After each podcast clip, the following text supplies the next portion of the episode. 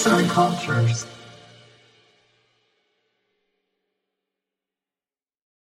Merhabalar.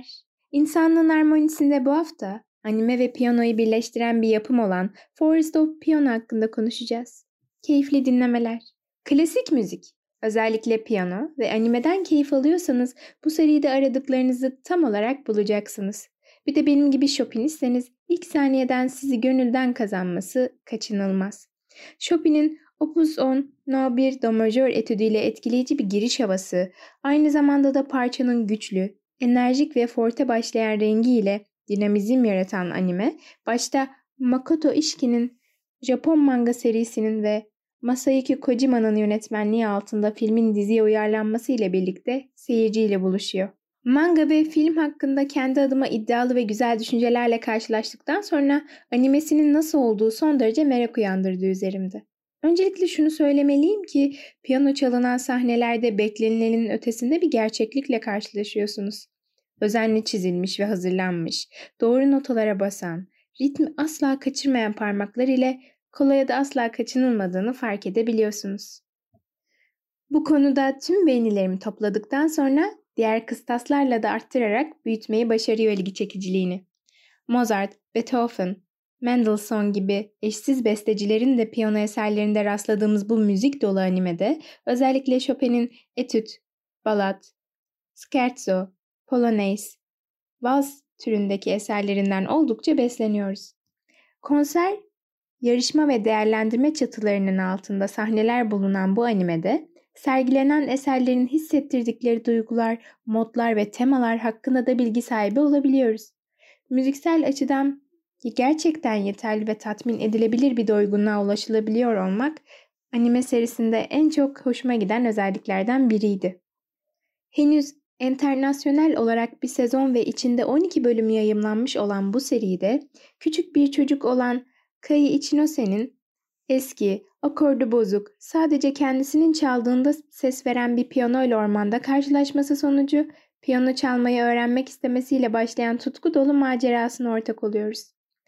Okula yeni gelen arkadaşı Shuhei Amemiya'nın da aynı zamanda dünyaca ünlü bir piyanist olmak gibi bir hedefi var. Bu noktada daha çok Amamiya tarafından oluşturulan büyütülen rekabet hissi izleyiciyi birçok açıdan sorgulatıp düşündürtüyor. Kimi zaman kendinizi kendi iç gücüyle savaşan ve kendini hiçbir zaman yeterli görmeyen Ichinose kimi zaman da kendinden oldukça emin ve başkalarıyla kendini kıyaslayarak beslenen Amamiya'nın yerine koyabiliyorsunuz. Böylesine farklı iki karakteri heyecanla takip ederken aynı zamanda da sergilenen piyano performanslarının değerlendirilmeleri sırasında yapılan yorumlar arasında piyanoyu başka birinin çalışı gibi çalmak, esinlenmek, taklit etmek temalarının bulunması aklıma 20. yüzyılın en ünlü bestecilerinden ve neoklasizmin başta gelen temsilcilerinden Igor Stravinsky'nin iyi bir besteci taklit etmez, çalar cümlesini getirdi. Bu cümlenin benzerleriyle de başka sanatçıların söylemleri sonucu karşılaşmanız mümkün. Örneğin Picasso'da iyi sanatçılar ödünç alır, harika olanlarsa çalar cümlesini kullanırken Faulkner ise gelişmemiş sanatçılar kopyalar, harika sanatçılar çalar demiş. Steve Jobs da basitçe yine düşüncesini iyi sanatçılar kopyalar, harika sanatçılar çalar şeklinde belirtmiştir.